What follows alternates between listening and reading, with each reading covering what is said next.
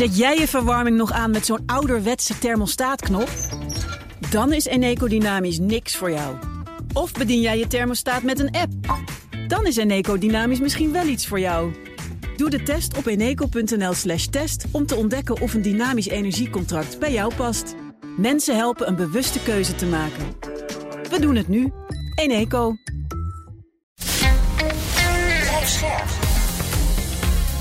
BNR Nieuwsradio. Boekenstein en de Wijk. Hugo Reitsma. Welkom bij Boekenstein en de Wijk. Het is zaterdag, dag 535 van de oorlog in Oekraïne. We praten met defensiespecialist Patrick Bolder. En wij proberen vandaag de blik te werpen op de binnenste werkingen van het Poetin-regime. Ja, en we gaan een artikel behandelen: Putin's Age of Chaos: The Dangers of Russian Disorder van eh, de beroemde Tatjana Staunovaya, de senior fellow van de Carnegie Russia Eurasia Center. Ze Mhm. woont, geloof ik, ze werkt in Wenen, geloof ik. Nou, eh, je zou hopen dat als er zo'n oorlog dan slecht gaat, hè, dat de bevolking zou denken van, nou ja, waar zijn we eigenlijk allemaal aan begonnen? Hè? Hm. Maar ze, ze is heel nuchter, deze dame, en zegt van nee, het is juist zo dat als je naar de bevolking kijkt, dan eh, wordt de wanhoop eigenlijk alleen maar groter. Maar het Hmm. anti-westerse gevoel wordt ook alleen maar groter. En ook het anti-Oekraïne gevoel, hè, die hebben ons belazerd en zo, dat wordt alleen maar groter. En de Russische elite, die valt uiteen in allemaal facties. Hè. Dat is eigenlijk wat ze, wat ze doet. Dus ze komt dan tot een soort conclusie van, eh, we zien dus allemaal divergerende interne krachten. Mhm. Eén, een zich verdiepende crisis op het leiderschap van Poetin, die inactief is en eigenlijk eh, alleen maar reactief opereert en dingen niet oplost. Hè. Mhm. En twee, een tekort aan politieke accountability, dus, dus aanspreekbaarheid. Het wordt, er wordt niet geleverd. Hè. En inflatie loopt op ook natuurlijk. En niet, steeds weer niet effectieve antwoorden op nieuwe uitdagingen. Hè. Fragmentatie van de elite.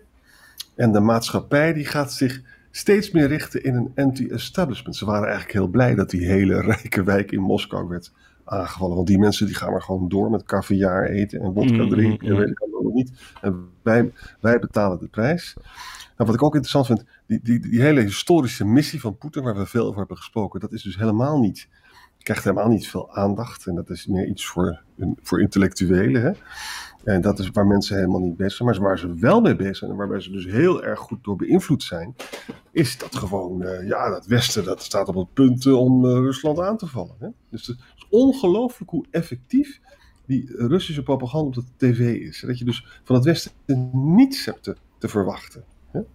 Nou, dan gaat het, het artikel eindigt dan van, er zijn natuurlijk allemaal oude haviken die we heel vaak genoemd hebben. Hè? Zoals uh, Patrushev, weet je wel, die veiligheidsman. En Narishkin, die magere leider van de FSB, weet je nog. Mhm. En dan hebben we ook nog uh, Medvedev, de vorige president en nu deputy secretaris van, van de Veiligheidsraad. En Volodin van de staats. En nu zegt hij, er moeten komen nieuwe haviken op. En dat is met name dus die uh, Kirienko, dat is die man die is aangesteld om, op de geannexeerde Oekraïnse gebieden te besturen. En meneer Kushnulia, die doet de wederopbouw in het bezette gebied. En deze jongens, die zitten daar heel veel. En die ziet dat, dat, dat, dat er helemaal niet goed gaat daar in die bezette gebieden. Dat er grote problemen zijn.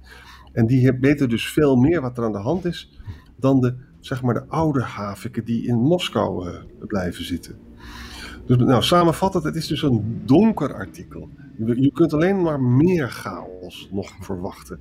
En er worden geen problemen opgelost. Zeg ik het zo goed, Patrick? Ja, ja, ze beginnen eigenlijk met een mooie opbouw van ja, die oorlog begon. Maar voor die oligarchen was er eigenlijk niks aan de hand. Alles ging normaal door. Mhm. Uh, toen kwam de Wagner-opstand, de drones op uh, Moskou, uh, de aanval op Belgorod, weet je wel, daar in het zuiden van Rusland.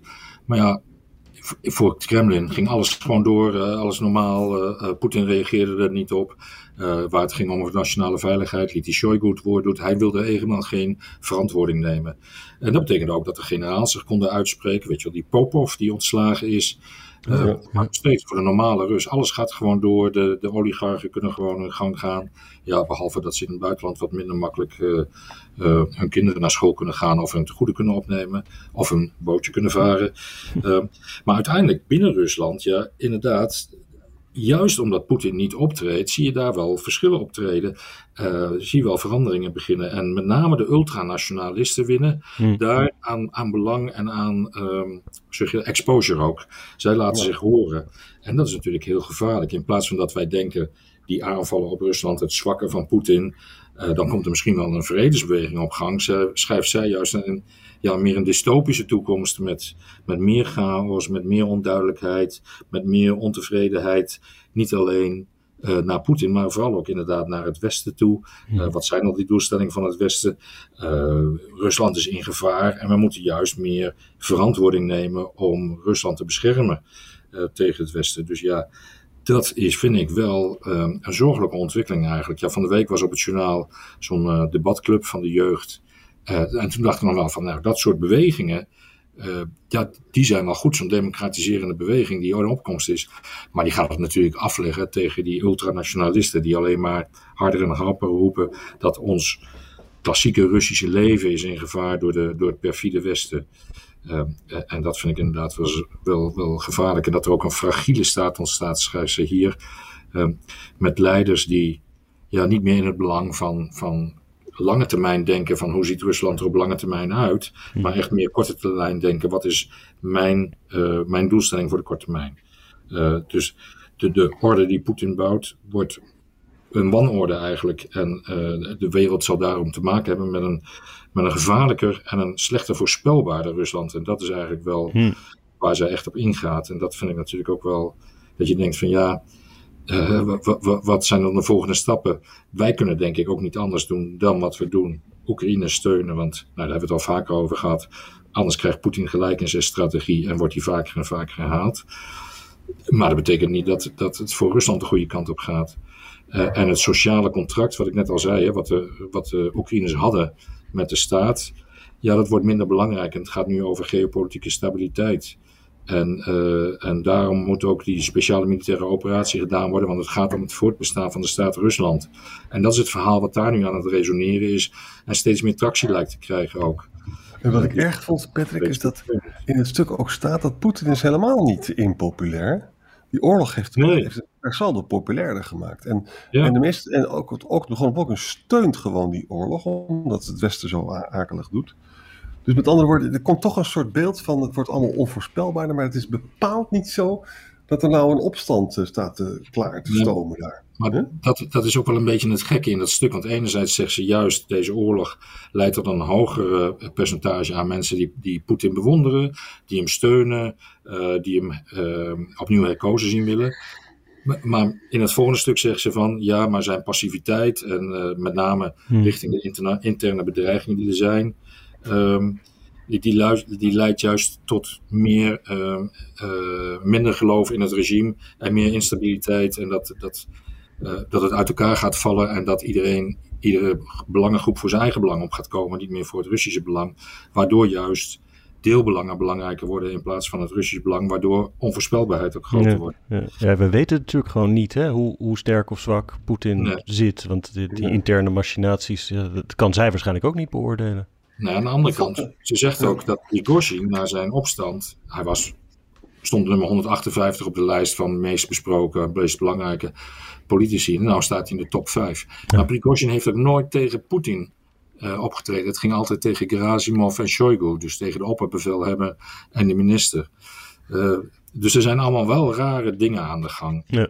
Uh, maar, maar Prigozhin zei wel nog, weet je nog, Peter, zei van dat hele verhaal over dat we die dus nazi's zouden rondlopen. Die wij zouden, dat is allemaal onzin. Ik ben hier geen nazi. Te, het was, Dat was wel heel hard hoor. Dat je dan dus gewoon uh, de hele denazificatie ridiculiseert. Dat deed hij eigenlijk. Hè? Nee, en, en, die, en, en, het feit dus dat, dat, hij, ja, het feit dat hij toen dus toch naar Poetin mocht komen na vijf dagen, betekent dat Poetin zich niet kon veroorloven om die jongen uh, links te laten liggen. En dat, dat kan niet anders betekenen dat Poetin toch verzwakt is. Het kan hmm. toch niet anders zijn. Nee.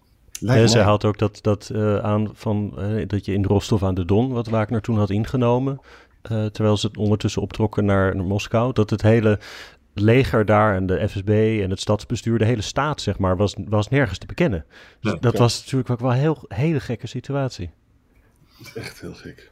Nee, en, maar ook zegt ze dan van, weet je, ja, die, die onrust, die leidt dan niet tot een oproep tot vrede, maar juist tot een oproep om die staat uh, harder te verdedigen, om de, de, het Westen meer op afstand te houden.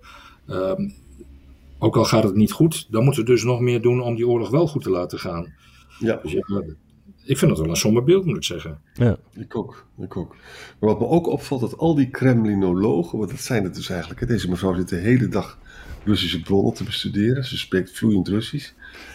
Ze weet het ook gewoon niet. Ze weet het niet. En ze, ze doet allemaal van die uitspraken van, ja, dat zou er misschien toe kunnen leiden dat als dus die elite een beetje uit elkaar gaat lopen, dat er misschien toch ook meer pragmatische antwoorden op die oorlog zouden kunnen komen. Maar we weten het niet. Het is heel voorzichtig allemaal. Ja, ja.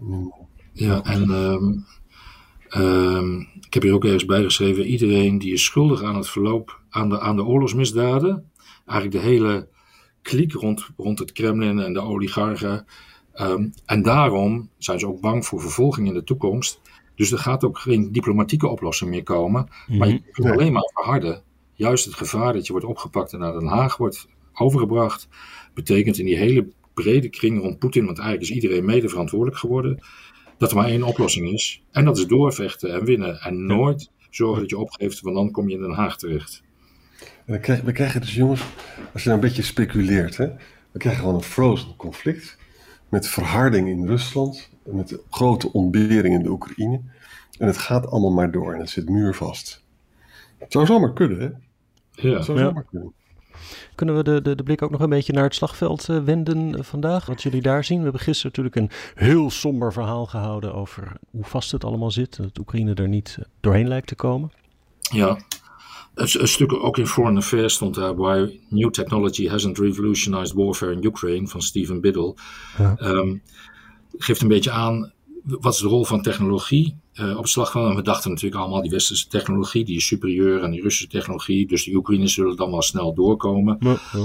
Ehm, maar, maar zijn conclusie is eigenlijk, eh, als ik er heel snel doorheen ga, ehm, je hebt allemaal nieuwe technologie. En als je die op de goede manier gebruikt, dan heeft dat nut. Maar de tegenstander evolueert ook heel snel en weet daar iets tegenaan te zetten. En weet jouw eh, comparatief voordeel van dat moment al heel snel weer te neutraliseren, waardoor er eigenlijk eh, niet veel verandert. Hm. Eh, dus je zou eigenlijk kunnen zeggen, uh, de aard van de oorlog verandert wel. En wij zijn er ook heel erg op uit in het Westen. In, ook in Nederland zijn we heel erg bezig met, met multidomeinoorlog voeren. Ook net als in Amerika en alle westerse landen. En dat betekent eigenlijk, hoe zorg je dat vanuit de ruimte, vanaf zee, onderzee, vanaf het land, in het cyberdomein en in de lucht, uh, hoe je alle middelen die je hebt, alle informatie die je hebt, uh, kunt samenbrengen. Dat er ergens beslissingen worden genomen en dat je dan ook de juiste actie kan ondernemen. En soms is degene die de informatie brengt ook meteen de effector. En hoe ga je daar dan mee om? Moet er dan eerst ook een beslissing komen vanuit een centraal niveau, voordat die effector zijn effect mag uitbrengen? Mm. Uh, dus het zijn allemaal hele complexe dingen van hoe zit alles in elkaar? Um, nou, zover zijn we nog niet. Um, maar we willen wel Kijk naar het gebruik van drones. Onze eigen mm-hmm. mensen natuurlijk zo lang mogelijk buiten het houden. En ondertussen de tegenstander zoveel mogelijk slopen. Uh, dus de karakter van het oorlog, de aard van oorlog, die verandert wel. Maar de kern van oorlog niet. Want daar gaat het natuurlijk om. Van hoe kan ik mijn tegenstander zoveel mogelijk pijn toebrengen. Uh, zodat ik ga winnen. Uh, en ik zelf zo min mogelijk pijn hebben. Dus daar proberen we allemaal methoden te vinden. En dat is die multidomein oorlogvoering ook. Hoe kan ik mijn tegenstander op afstand zo uh, ver verzwakken. Voordat mijn eerste soldaat ook maar een voet op het slagveld zet. Ja, ja en dat klinkt heel leuk. Alleen het is technisch heel erg moeilijk om dat te doen. En heb je daar de tijd dan voor? Nou, de Oekraïners hebben daar duidelijk niet de tijd voor. Want die zijn gewoon binnengevallen. En die moeten hun stinkende best doen om de aanvallers van zich af te slaan. Um, en wij geven ze nu wel de spullen. Maar we geven ze te weinig spullen. We geven ze de spullen te laat. Uh, ze hebben niet de luxe om daar uitgebreid mee te trainen. Uh, en vervolgens krijgen ze ook vanuit het Westen het verwijt dat ze niet goed genoeg met onze spullen omgaan. Hm. Dat ze niet de doelstellingen halen in de tijd die wij van ze wilden hebben. Maar dat heeft te maken, ja, die spullen zijn wel goed. Maar de Russen die zijn inmiddels ook heel goed geworden.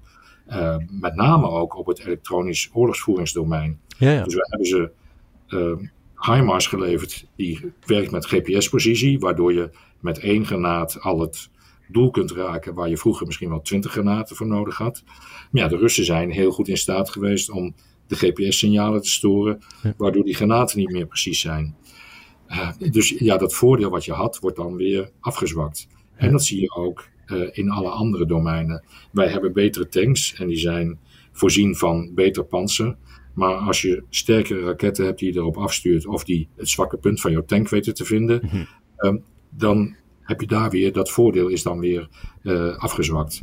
En waar wij heel erg dachten in het brengen van massa om ergens te door te breken, uh, zegt hij hier ook van, ja, maar daarmee creëer je ook een zwakheid, want dan kan je dus met één grote granaat jouw samengetrokken troepen, jouw samengetrokken middelen uh, vernietigen. Dus Mhm. misschien moet jouw sterkte wel zijn in verspreiding. Maar ja, dan heb je dus geen massa. En dat is wat je ziet ook Ja, wel op het front, dat de Oekraïners nu niet zozeer meer de tanks en masse gebruiken om door te dringen door de linies, maar dat ze weer uitgestegen gaan werken, ook omdat die mijnenvelden daar zijn, maar ook omdat je dan minder kwetsbaar bent. Dus ja, dat is wel het ingewikkelde van nieuwe techniek. Uh, er is ook heel snel iets tegen te vinden, Ja. waardoor uh, je, je voordeel van dat moment weg is. Uh, en uiteindelijk staan toch de mannen tegen elkaar te vechten. En wie houdt dat dan het langste vol? Uh, dat is volgens mij nu wat je ziet wel aan het front. Mooi verhaal ook van de Oekraïnse. Special Forces. Die gingen vroeger de grens over. En die gingen een vijand uh, observeren. En die kenden zijn patroon van leven. En wisten waar dan het zwakke punt was. Hoe die altijd zijn auto inging. Waar die dan heen reed. Nou ja, die konden dan een bom leggen in die auto op een bepaald moment midden in de nacht. Want hij ging altijd om kwart over acht, start hij de auto, boem. Um, maar nu kunnen, kunnen, ze niet meer door het front komen. Want door die mijnenvelden die er zijn, en soms Ja. wel vijf mijnen per vierkante meter, moeten ze op afstand werken. En dan zie je dat ze drones gaan gebruiken. Nou, die drones die worden weer gestoord. Dus dan moeten ze eerst zorgen dat die storingsapparatuur wordt vernietigd. En dat zie je ook, die zogenaamde FPV-filmpjes die je wel eens op internet ziet, First Person View. Dat er echt zo'n drone gaat naar zo'n observatiecamera die ze in een mast hebben gezet, de Russen. Ja, ja. Of naar storingsapparatuur. Dan zie je dat je eerst de condities moet scheppen in die elektronische oorlogsvoering, voordat je op de grond uh, je, je, gang kunt gaan. Ja, en dat is ook wel een beetje wat je ziet nu. Uh, wat nu bezig is ook in, de, in de, het voorwaarden scheppen voor een strijd op de grond. Uh, en zolang de strijd op de grond stilhouden. En de Oekraïners hebben dat nodig om te zorgen dat ze niet worden gezien door de Russen. Met die, al die observatietorens die ze dan uh, kapot schieten. Uh, en hopen dat ze dan zo lang volhouden tot dan wel die F-16's komen. Ooit, een keer, misschien. Ja. Mm. Dus het trieste is, het Westen traint dus heel erg op, uh, of althans in theorie is het dus verbonden wapens. Hè? Ja. Wij willen graag uh, luchtoverwicht hebben om onze troepen Oh, ja. zoveel mogelijk te beschermen. Nou, tegen Oekraïne zeggen van ja, sorry, dat heb je niet. En nou, wandel maar gewoon het mijnenveld in. En als dat niet gaat met de, met de tanks en zo, dan moet je maar lopend gaan doen. En daardoor zijn er ongelooflijk veel Oekraïners omgekomen. En daarom gaan ze nu maar weer terug met die lange afstandwapens om de logistiek te slopen. Maar het is, dit leidt volgens mij gewoon tot een frozen conflict met ontzettend veel gewonden. En, Ja, eh, maar, maar dat, ja, het, is, het is ook heel erg symmetrisch, want ehm, eh, op de grond hebben we ongeveer dezelfde sterkte tegenover elkaar staan, met een soort van dezelfde middelen. Ehm, en, en in de lucht kunnen we elkaar de toegang tot het luchtruim ontzeggen. Ja, en dat betekent dat ja, niemand heeft echt eh, een asymmetrisch voordeel. Uh, en, en die Oekraïners zijn er nu wel mee bezig om in de diepte munitievoorraden, uh, brandstofvoorraden, uh, voorraden aan soldaten, wegen en spoorwegen, bruggen te treffen. In de hoop dat die stroom naar het front gaat opdrogen. Maar dat is iets van lange adem, want de Russen hebben zo enorm veel natuurlijk. En, je ziet dan de Krim, waar, van de week ook die, die twee, drie bruggen uitgeschakeld waren. De Russen zijn wel heel snel in staat, omdat met name die Chonghar-brug, dat is helemaal geen diep water. Dat is maar uh, anderhalf, twee meter diep. Dat zijn grote zoutbekkens eigenlijk. Ja, daar leg je dan weer heel snel een pontonbrug in. En dan heb je dat probleem weer opgelost. Ja. Zou je misschien kunnen zeggen dat we deze twee interessante artikelen met elkaar kunnen verbinden in de zin dat je wordt, wordt natuurlijk ook veel nieuwe technologie van die drones door Oekraïne ingezet om naar Moskou te vliegen. Met, lijkt me het doel, burgers bezorgd te maken en het regime te destabiliseren. Ja, maar dat werkt nog niet zo. Het, het regime is in ieder geval zich harder aan het opstellen. Ehm, dat artikel wat we net hadden. Eh, dus in hoeverre is dat dan effectief? Uh, ja. aan de ene kant zou je ook zeggen, misschien gaat de gewone Rus, die wat minder gevoelig is voor alle uh, verhalen op tv en, en alle opruiende taal, dat, dat hij ook gaat nadenken van ja, maar dit is een eenrichtingsweg, die wil ik niet opgaan. Mm -hmm. Ja, opstand plegen in Rusland is natuurlijk levensgevaarlijk, letterlijk levensgevaarlijk. Ja.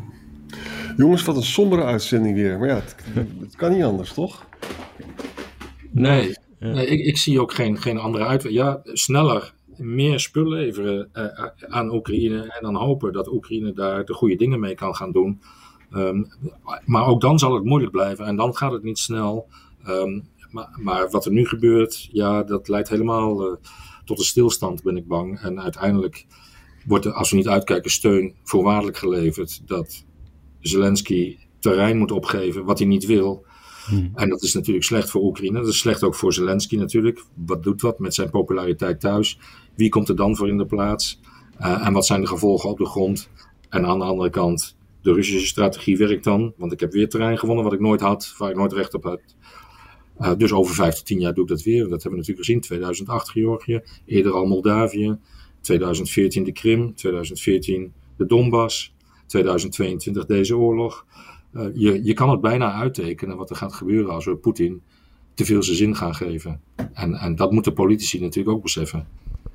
En je kunt pas effectief onderhandelen, jongens, als je meer terrein terugpakt. En dat, dat, gaan, dat gaat ook niet lukken op deze manier. Als je, nou ja, misschien weet je met die Taurus, uh, die Duitse Taurus kruisraketten waar we het gisteren over hadden, als die geleverd worden en je kunt Sevastopol treffen, dat is wel echt een klap in het gezicht natuurlijk van Poetin. Hm. Sevastopol, de, nou ja, niet de hoofdstad geloof ik van de Krim, hm. uh, maar wel waar de Zwarte Zeevloot zit. Ja. ja. Um, en dat is natuurlijk echt wel de parel in de kroon van Poetin als het gaat over Oekraïne. Uh, en dat is echt een, een, ook weer een escalatie natuurlijk. Maar wat zou Poetin zijn antwoord zijn? Slaat hij dan nog harder terug? Waarmee vraag ik me dan af? Um, of is dit echt van, oh, nou moeten we gaan onderhandelen. En als dat gebeurt, als Poetin zegt, dan gaan we onderhandelen, dan weet je dat hij aan het verliezen is. Dan, en dan zegt Zelensky, ja, maar nu ga ik niet onderhandelen, nu ga ik nog harder doorslaan. Ja, ja, dus ik, ja, echt een, een einde hieraan zie ik voorlopig niet zitten. Ik ook niet. Nee, het is voor alle partijen een doodlopende weg, uh, ja. lijkt het. Hè? Ja. Ja, Nou, uh, dank dan maar weer hiervoor. Tja. Tot ziens maar weer. En uh, dank Patrick voor je, voor je goede invalbeurt met al je militaire kennis in onze podcast. Zeker. Graag gedaan. Wij verslikken ons niet meer in kinzalraketten nadat Patrick hier geweest is. Hè? In de transportsector is de energietransitie in volle gang. Benveldse Transport ziet dit echt als een kans en verwacht dat elektrisch rijden een belangrijk onderdeel van hun toekomst wordt. Inmiddels rijden ze al elektrisch voor onder andere supermarktketens. Meer weten? Je leest het verhaal op partner.fd.nl/bp.